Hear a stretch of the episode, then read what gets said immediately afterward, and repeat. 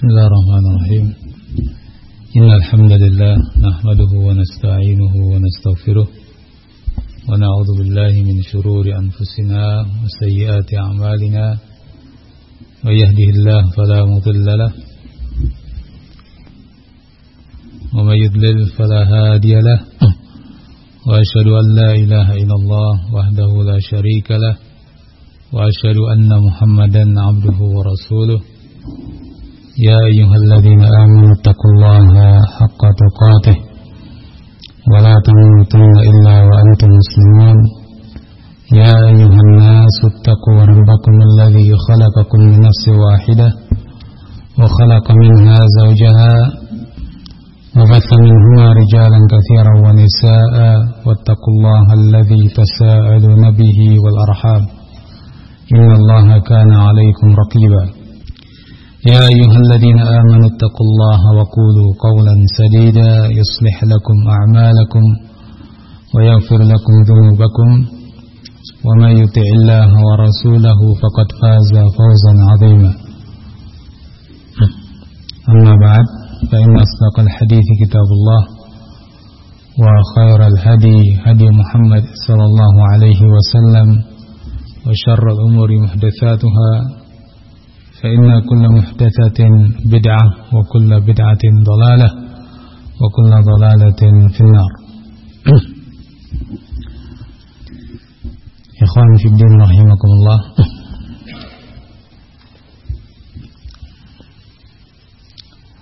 Pada kesempatan ini kita akan mengambil suatu faedah dari keterangan Syekhul Islam Ibn Taimiyah rahimahullah yang kemudian diringkas oleh Syekh bin Utsaimin rahimahullah dalam kitabnya Takrib At-Tadmuriyah terkait dengan kewajiban berislam dan juga terkait dengan kewajiban bagi yang lebih khusus daripada Islam yaitu iman dengan takdir.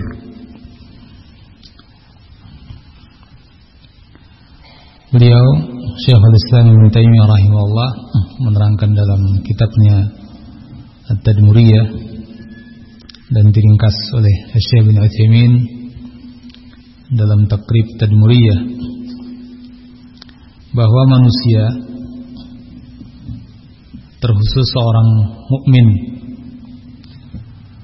diperintahkan untuk melakukan perintah-perintah dan menjalankannya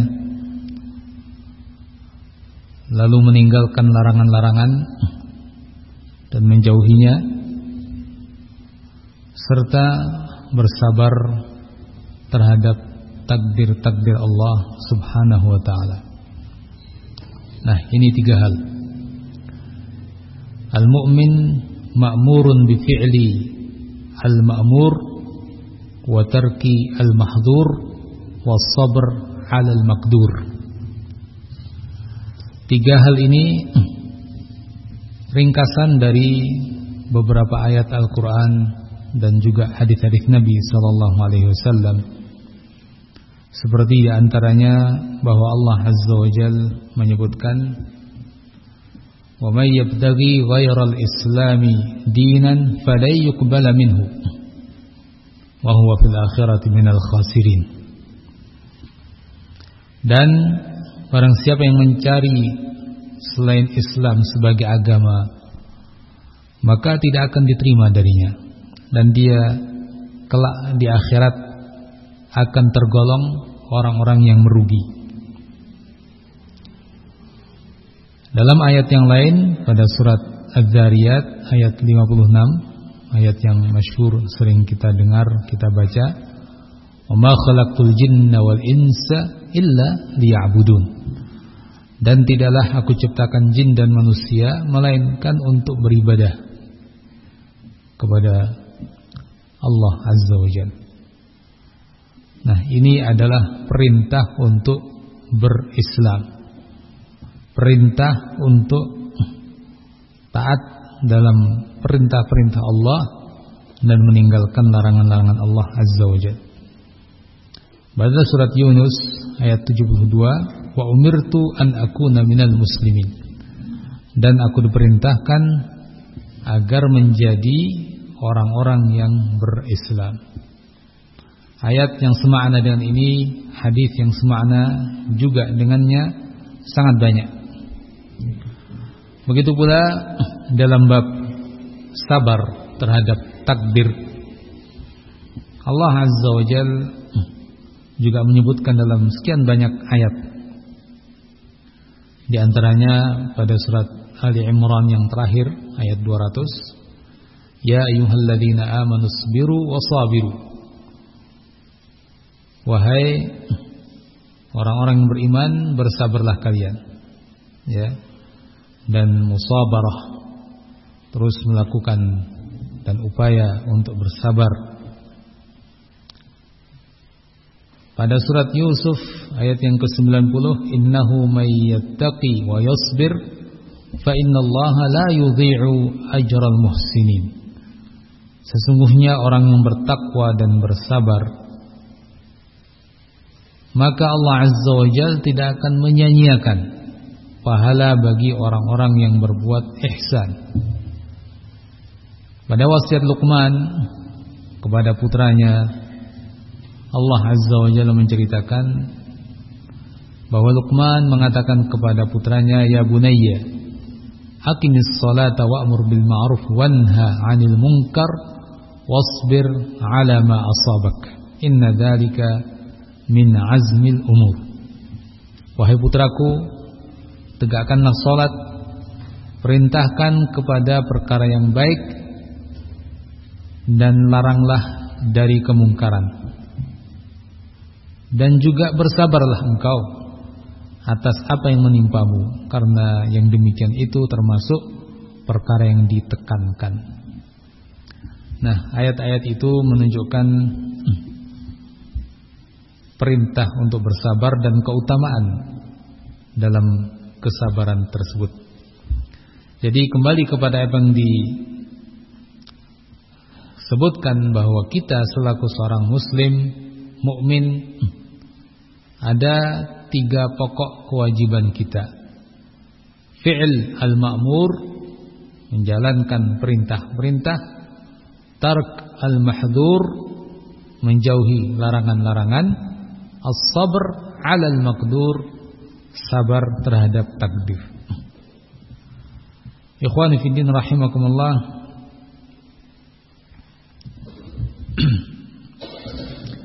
Kemudian uh,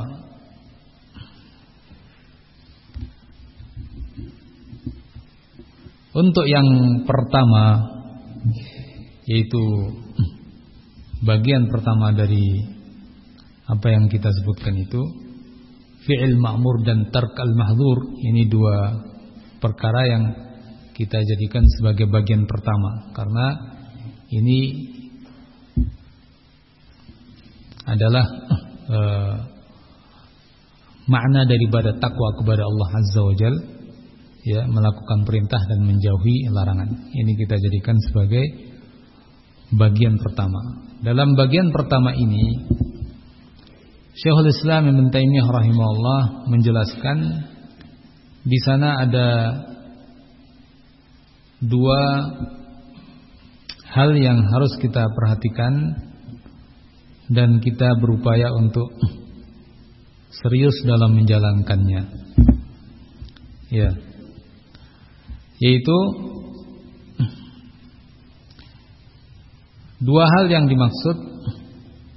Pertama adalah sebelum kita melaksanakan dan saat kita melaksanakan kita harus berupaya untuk mendalami ilmu terkait dengan keduanya ya. Di menjalankan bagian pertama ini saat kita beramal dan juga sebelumnya kita terlebih dahulu harus mendalami ilmu terkait dengan keduanya prakteknya bagaimana ya yakni dengan talabul ilm. Perintah-perintah Allah Azza wa Jal apa yang Allah perintahkan kepada kita? Dari mulai misalnya salat, puasa, zakat dan seterusnya dan perintah-perintah Allah banyak. Kita harus berusaha untuk mendalami perintah-perintah tersebut. Begitu pula sebaliknya larangan. Kita pun harus mendalami tentang larangan-larangan itu artinya berilmu tentang larangan-larangan tersebut. Ini yang dilarang Allah Azza wa Jal, syirik, ini bid'ah, ini maksiat, ini dosa besar yang jumlahnya cukup banyak. Kita juga harus mendalami ilmu tentang larangan-larangan itu. Ya. Ini menjadi dasar sebelum kita melaksanakan atau mewujudkan bagian pertama ini. Kemudian setelah ilmu amal. Nah, kita juga harus bersungguh-sungguh dalam mengamalkan. Setelah tahu perintah, jalani perintah itu. Setelah tahu larangan, maka jauhi segala hal yang terlarang. Disebutkan oleh Syekhul Islam Ibn Taimiyah rahimahullah dan diringkas oleh Ibn Utsaimin kata beliau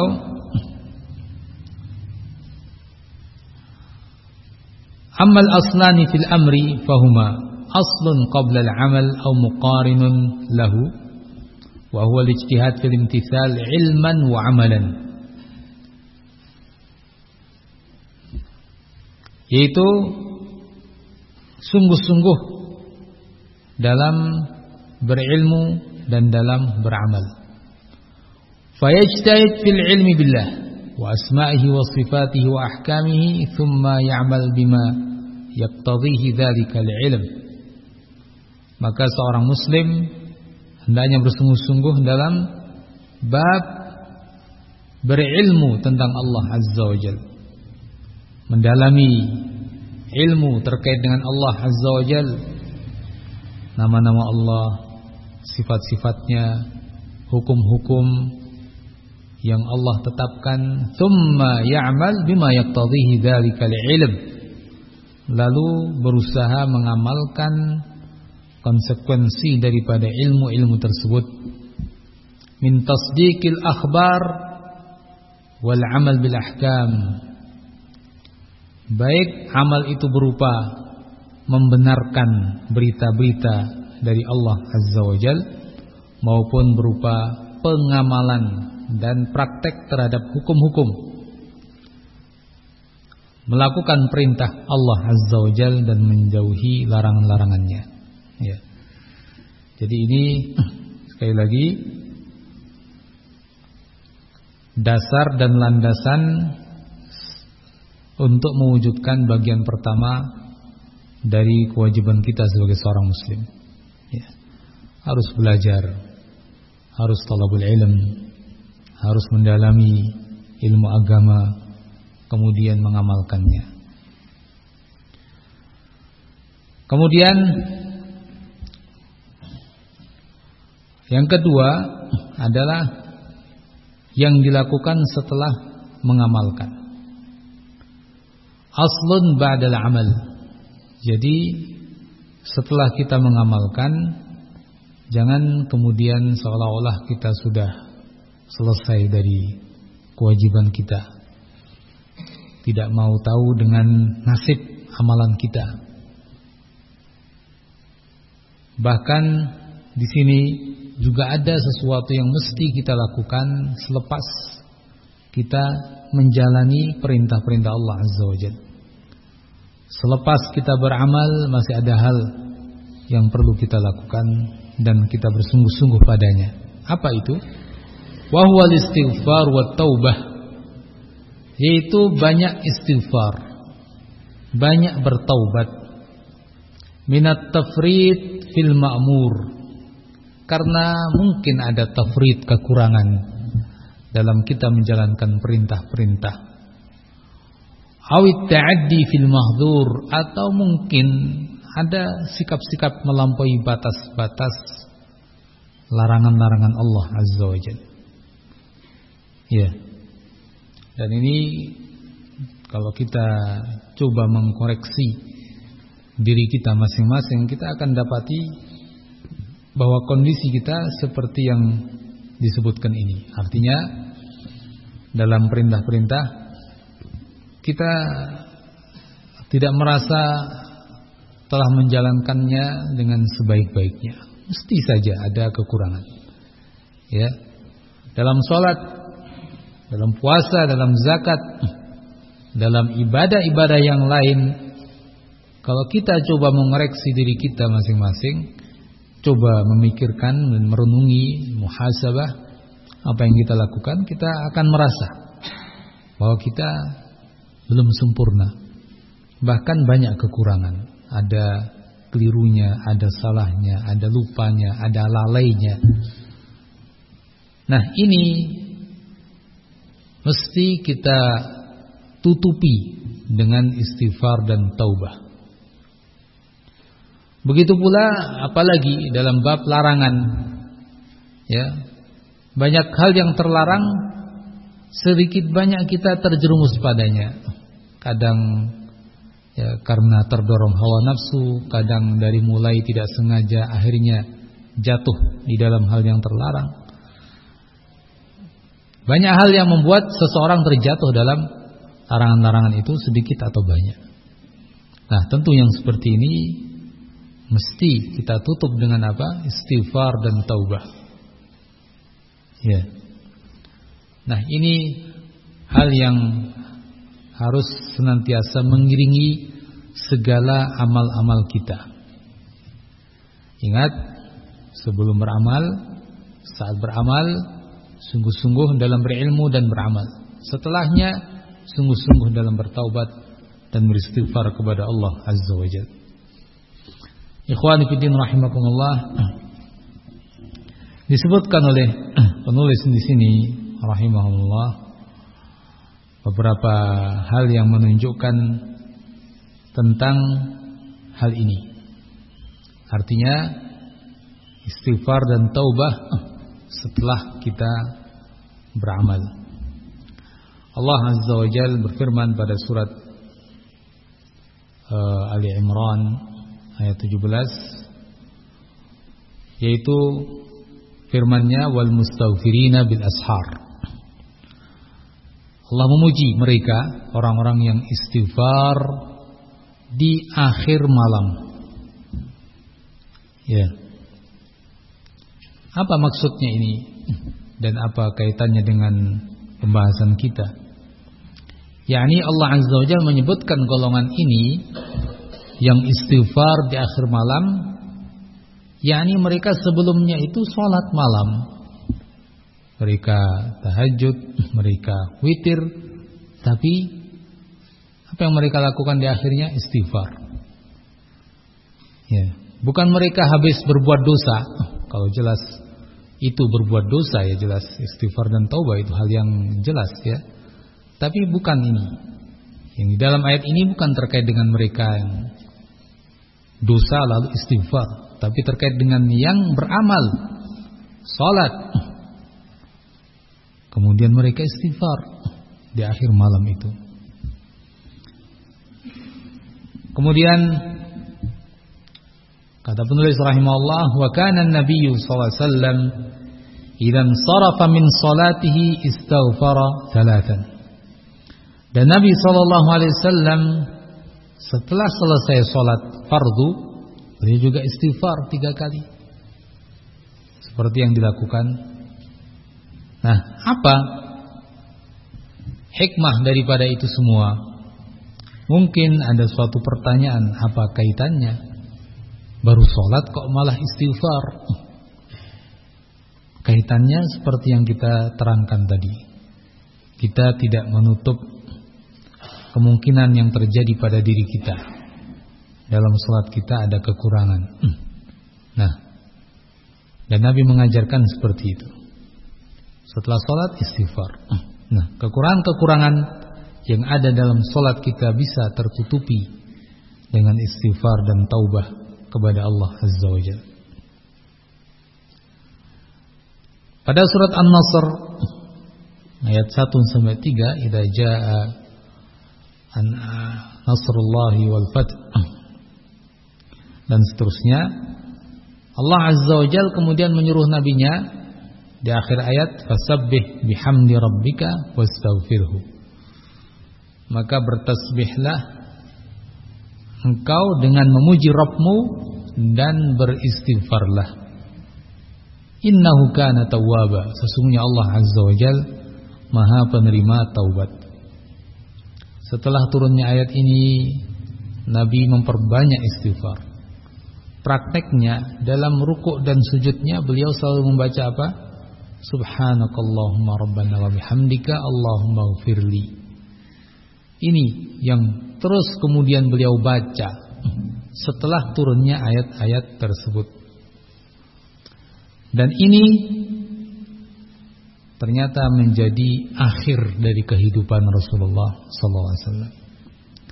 Sehingga turunnya ayat tersebut dan praktek Nabi terhadap ayat tersebut ya menjadi pertanda apa? dekatnya ajal beliau alaihi salatu wassalam. Nah, setelah sekian lama beliau beramal dari mulai diangkat sebagai nabi, diangkat sebagai rasul. Ya, berjalan waktu dalam mengemban amanah ini selama kurang lebih 23 tahun beliau menjalankan tugas beliau di akhir hayatnya memperbanyak istighfar diperintahkan oleh Allah Azza wa Jal untuk itu. Nah, ini juga dengan kata lain istighfar setelah amal. Ikhwan fillah rahimakumullah.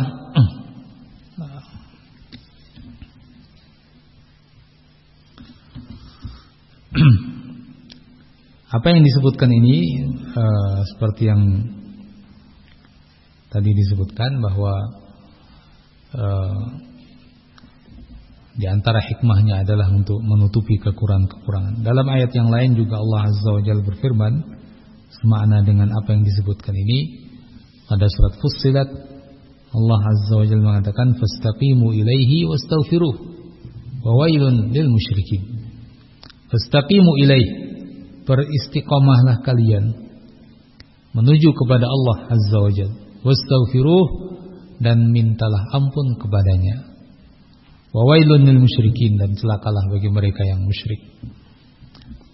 Di sini ada perintah istighfar setelah perintah istiqamah.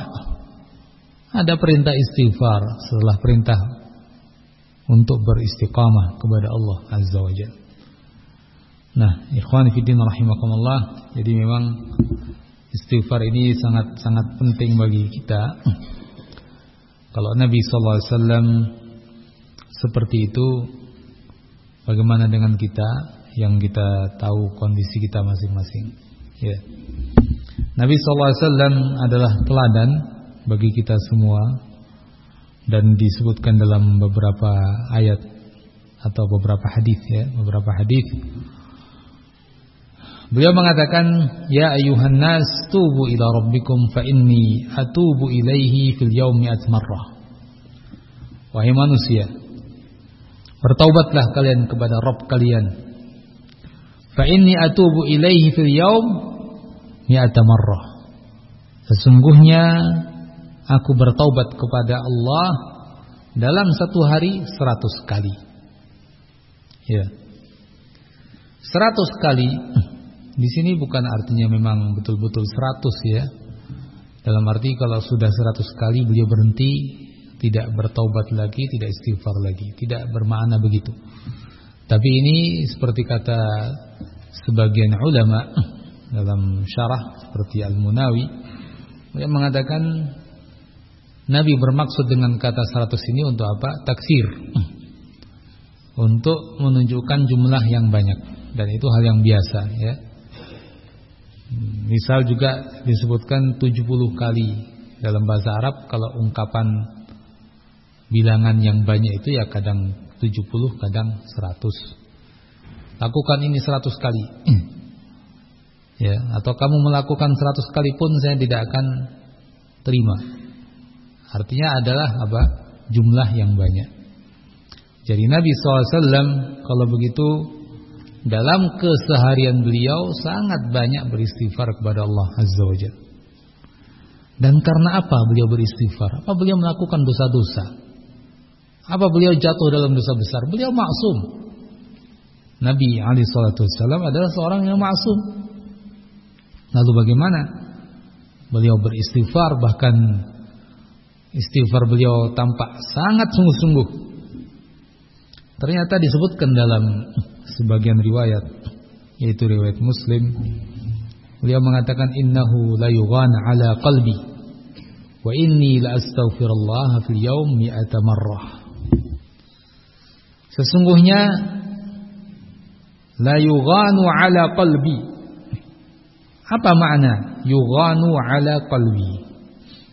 Al-ghain itu secara makna seperti al-ghaim. Ghain ya nun seperti dengan wain ya mim, waim. Ya. Artinya apa? Penutup. Nah, tertutup la yughanu ala qalbi sungguh kalbuku tertutup. Apa maksud daripada tertutup ini? Diterangkan dalam syarah Muslim oleh Al-Qadhi dinukil oleh An-Nawawi rahimahullah Al-muradu al-fatarat awil ghafalat 'anil dzikri. Yang dimaksud oleh Nabi adalah saat-saat tertentu yang beliau lalai dari zikir. Alladzi kana sya'nuhu dawam alaih yang di mana Nabi biasanya tidak lepas daripada zikir. Sampai disebut oleh sahabat yang lain kana yadhkurullaha ala kulli ahyani. Nabi itu berzikir kepada Allah tiap saat. Ya. Memang senantiasa terlihat seperti itu beliau. Berzikir tiap saat. Tapi Nabi sendiri merasa terkadang ada ghaflah, kelalaian. Sesaat-sesaat. Ya, Nabi lebih tahu tentang dirinya. Nah, kelalaian dari zikir ini ada dzalika dzamban. Nabi menganggapnya sebagai dosa. Wastaghfara minhu maka Nabi beristighfar. Itu ternyata sebabnya. Bukan karena Nabi dosa. Dosa dalam pengertian kita, ya kan? Orang melanggar suatu perintah ada yang dosa kecil, ada yang dosa besar. Nabi tidak jatuh dalam dosa kecil apalagi dosa besar. Yang terjadi hanyalah terkadang terlalaikan dari zikrullah. Yang biasanya beliau setiap saat zikrullah sesekali terlewat. Terlewatnya kenapa ya mungkin beliau orang yang sibuk ya kan. Beliau bukan orang yang nganggur tanpa kerjaan. Beliau mengurusi umat, mengurusi berbagai urusan-urusan besar. Sehingga mungkin saat-saat itu terlewat daripada zikrullah yang biasa beliau lakukan. Nah, ini beliau anggap sebagai dosa. Sehingga beliau beristighfar. Seperti yang beliau katakan sungguh ya. Kalbuku tertutup. Maka aku beristighfar kepada Allah Azza wa Jal dalam sehari seratus kali. Nah, ikhwan fillah rahimakumullah, berapa saat beliau jatuh dalam hal itu? Ya. Bukan sepanjang harinya jelas karena justru yang terlihat oleh para sahabat setiap saat beliau berzikir. Sehingga terjadi hal seperti itu hanya beberapa saat yang sangat sedikit. Namun istighfar beliau luar biasa. Nah, itulah teladan kita, pimpinan kita Nabi besar Muhammad sallallahu alaihi wasallam. Nah, mengambil pelajaran dari apa yang dilakukan oleh beliau alaihi salatu wasallam, maka kita ya mesti banyak sekali beristighfar semestinya begitu. Ya, setiap saat kita istighfar kepada Allah Azza Itu yang semestinya, idealnya begitu bagi kita semua. Ya, semoga kita bisa ya menjalankan hal tersebut ya. Taufik dari Allah Azza wa Jalla itu yang kita harapkan. Sehingga kita banyak-banyak beristighfar atas kesalahan, kekeliruan, kelalaian, dosa yang kita lakukan. Ikhwan fillah rahimakumullah. Jadi di sini saya ringkas kembali sebelum kita lanjutkan kepada bagian kedua. Untuk bagian pertama, kewajiban seorang muslim adalah apa? Melakukan perintah dan menjauhi larangan. Nah, untuk mewujudkan hal itu lakukan ijtihad kesungguh-sungguhan dalam talabul ilm, mempelajari perintah dan larangan, kemudian ijtihad bersungguh-sungguh dalam apa? mengamalkan ilmu tersebut. Kemudian setelah dilakukan, maka lakukan istighfar dan taubat kepada Allah Azza wa Jal setelah beramal, apalagi setelah dosa. Ini bagian pertama dari pembahasan kita. Yang kedua terkait dengan as-sabr 'alal maqdur. Sabar terhadap takdir Allah Azza wa Jalla.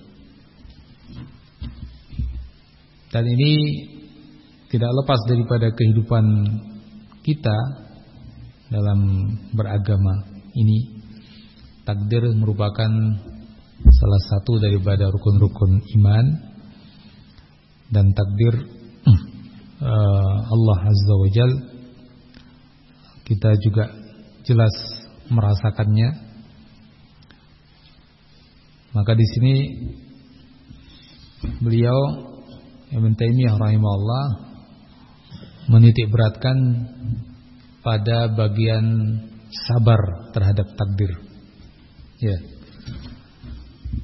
Sabar Eh, seperti kata ulama rahimahumullah mencakup lebih luas daripada sekedar sabar pada takdir. Di sana ada sabar dalam menjalankan perintah. Di sana pun ada sabar dalam menjauhi larangan. Namun fokus kita di sini adalah sabar dalam menerima takdir Allah Azza wa Jalla ya. Yang terkadang begitu terasa pahit ya berat.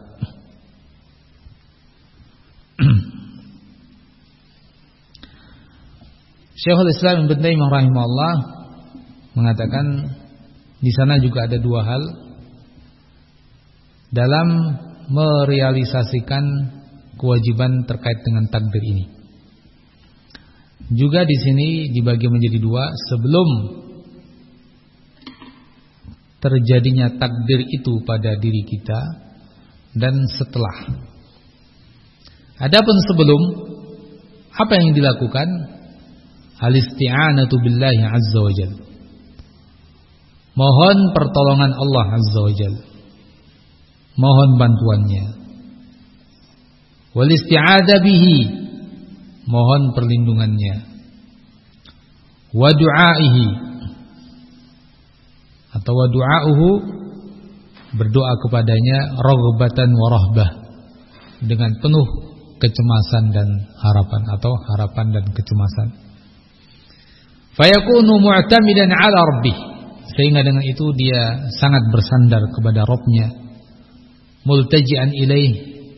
Pasrah kepadanya dalam upayanya memperoleh apa yang dia inginkan. Dan men menghindari apa yang dia khawatirkan. Ya. Nah, ini bagian pertama atau yang dilakukan sebelum terjadinya al-maqdur, apa yang akan ditakdirkan. Sebagai contoh misalnya, kita dalam suatu kegiatan kita, ya. mungkin kita dalam melakukan safar ke suatu tempat, mungkin kita dalam melakukan suatu usaha ya mencari rezeki dan macam-macam kegiatan kita, keseharian kita. Maka di sini di hadapan kita ada kemungkinan berhasil, ada kemungkinan tidak berhasil, ada kemungkinan selamat, ada kemungkinan gagal dan seterusnya. Nah, sebelum itu semuanya terjadi dan kita nggak tahu apa yang akan terjadi. Yang jelas takdir telah ada. Kita sedang menjalani dan akan menuju kepadanya. Maka sebelum itu semua terjadi, banyak-banyak kita selaku seorang muslim isti'anah kepada Allah Azza wa Jalla. Mohon pertolongan kepada Allah, mohon perlindungan kepada Allah, berdoa kepadanya. Tentu diiringi dengan usaha-usaha yang e, mungkin kita lakukan. Dan Nabi SAW telah bersabda dalam hadis, "Ihris 'ala ma yanfa'uk wasta'in billah." Sungguh-sungguhlah kamu semangat pada perkara yang bermanfaat bagimu. Ihris 'ala ma yanfa'uk. Jadi kita punya target ini suatu perbuatan dan ini kita nilai dengan pengetahuan agama kita baik manfaat. Maka hiris sungguh-sungguhlah berupaya berusaha. Wasta'in billah. Mohon pertolongan kepada Allah. Mohon pertolongan kepada Allah. Bismillah dengan nama Allah ini yakni kita menyebut nama Allah Azza wa Jal untuk mohon pertolongan kepadanya bantuan kepadanya berlindung juga kepadanya dari segala hal yang kita khawatirkan. Ya.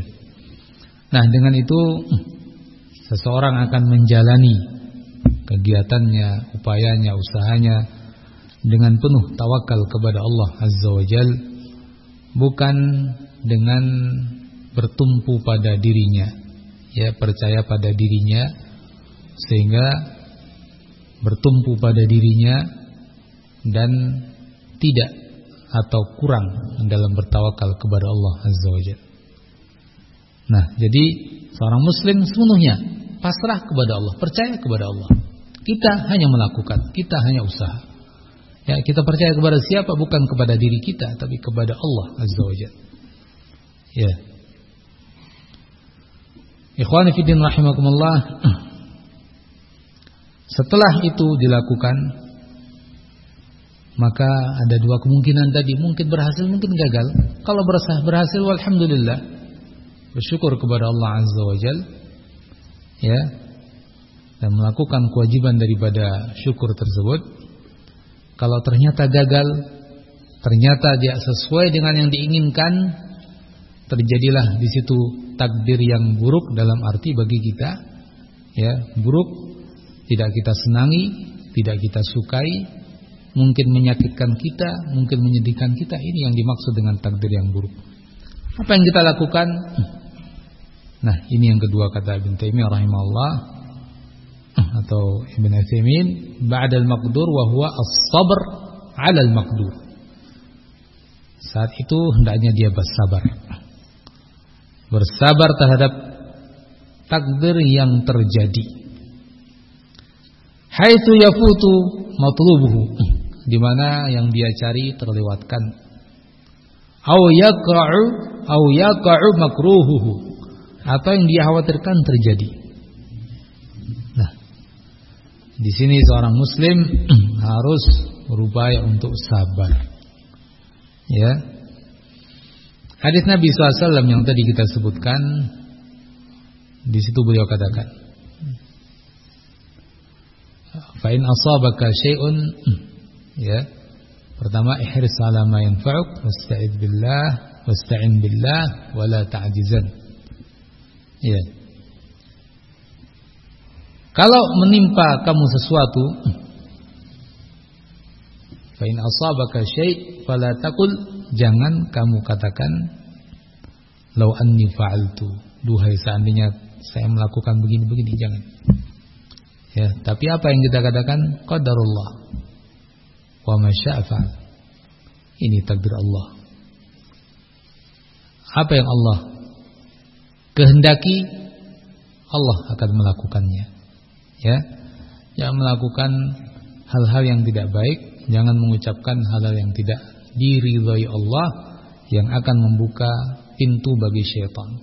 Maka Nabi katakan, jangan kamu katakan bahwa seandainya saya melakukan ini dan itu, ya maka akan terjadi begini dan begitu, tapi katakan qadarullah, ini takdir Allah Azza wa Nah, ungkapan ini menunjukkan ungkapan penerimaan.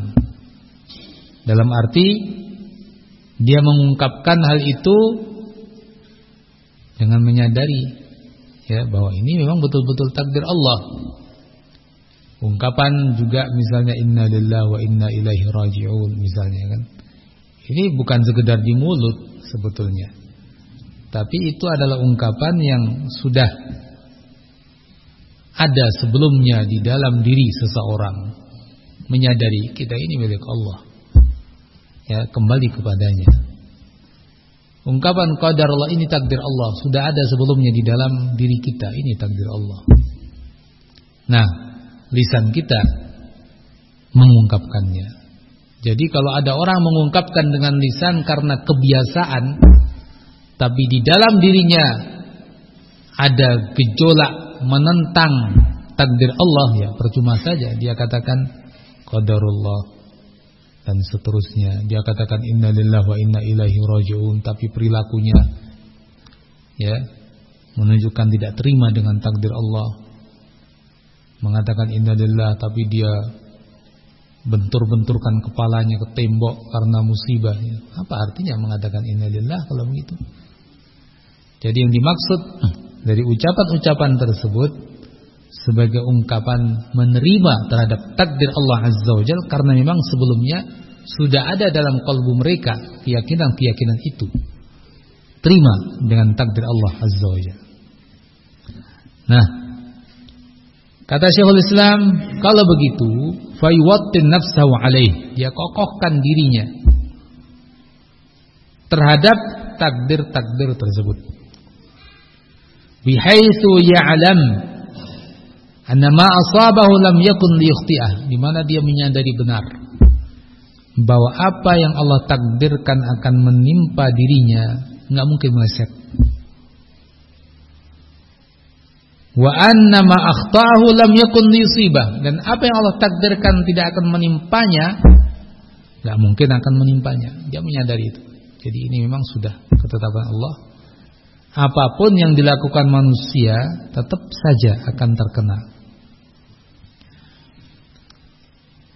Wa annal hala yumkin an tataghayyar amma qaddarahu. Allah Azza wa Jal. Dan bahwa keadaan tidak akan mungkin berubah dari apa yang Allah takdirkan. Fayardha bidzalika wa yusallim. Maka dia pun ridha dengan itu dan pasrah berserah diri. Wayan syarah wayan syariha wayan syariha sadru dadanya pun lapang dengannya. Wayadhhab anhu nadam wal huzn. Lalu menghilangkan atau hilang darinya rasa e, penyesalan maupun kesedihan artinya betul-betul terima ya kesedihannya kesedihan yang manusiawi bukan kesedihan untuk menentang takdir Allah Azza wa Jalla. Ya. Allah Azza wa Jalla berfirman, "Wa may yu'min billahi yahdi qalbah." Orang yang beriman kepada Allah, Allah akan berikan petunjuk kepada kalbunya. Maksudnya apa? Seperti ditafsirkan sebagian ulama bahwa ini terkait zalika ar-rajul tusibuhu musibah fayalam annaha min indillah fayarda wa yusallim itu terkait dengan seorang yang terkena musibah lalu dia menyadari bahwa itu adalah dari Allah dia pun ridha dan pasrah kepada Allah azza wajalla nah inilah as-sabr 'ala al-maqdur ya ini sabar terhadap takdir dan ahibati billah rahimakumullah dengan ini seseorang terbimbing ya terbimbing dalam menghadapi ujian-ujian ini. Ikhwan fiddin rahimakumullah Dengan ini kalau seorang muslim Betul-betul bisa mewujudkan dalam kehidupannya Maka Benar-benar dia akan beruntung ya dia telah sukses dengan makna sukses yang sesungguhnya. Ya sukses dalam kehidupan duniawinya. Ya yang tujuannya apa? Tujuannya ibadah. Ini batu baru-baru yang namanya sukses. Ya. tapi kalau dia tidak seperti itu berarti ada kegagalan. Ya. Ini penilaian an-najah al-falah keberuntungan kesuksesan. La'allakum tuflihun itu. Bukan dinilai kesuksesan itu dari hal-hal yang sifatnya duniawi. Ya, banyak orang yang sekarang menjadi ungkapan-ungkapan manusia pada umumnya fulan sukses fulan sukses yakni sukses urusan duniawinya. Padahal urusan agamanya mungkin ya jauh daripada kesuksesan tersebut. Di mana ya ketika terkena musibah hartanya hilang atau sebagainya hilang sudah tidak karuan kegelisahannya dan tidak bersabar dengannya nah yang seperti ini tidak dikatakan sukses dalam pandangan syar'i. Apalagi dia dalam mencari rezekinya tidak melihat eh, aturan-aturan uh, syar'i, tidak melihat mana yang halal, halal mana yang haram. Nah, jelas ini adalah kegagalan. Ikhwan fillah rahimakumullah demikian penjelasan Ibnu Taimiyah rahimahullah. Jadi uh, kesimpulannya untuk yang terakhir ya bab as-sabr 'alal maqdur sebelum terjadinya takdir kita berusaha sebaik-baik mungkin sesuai aturan syariat melakukan usaha sebisa mungkin dan tawakal kepada Allah, isti'anah kepadanya. Setelah terjadi sesuatu ternyata dia sesuai dengan yang kita inginkan, maka bersabar. Ya. Allahu a'lam. Ini yang bisa kita kaji sementara ini pada kesempatan ini. Semoga Allah Azza wa Jalla senantiasa memberikan kepada kita taufiknya untuk selalu taat kepadanya sampai akhir hayat kita. Subhanakallahumma wa bihamdika asyhadu an la ilaha illa anta astaghfiruka wa atubu ilaik. Walhamdulillahirabbil alamin.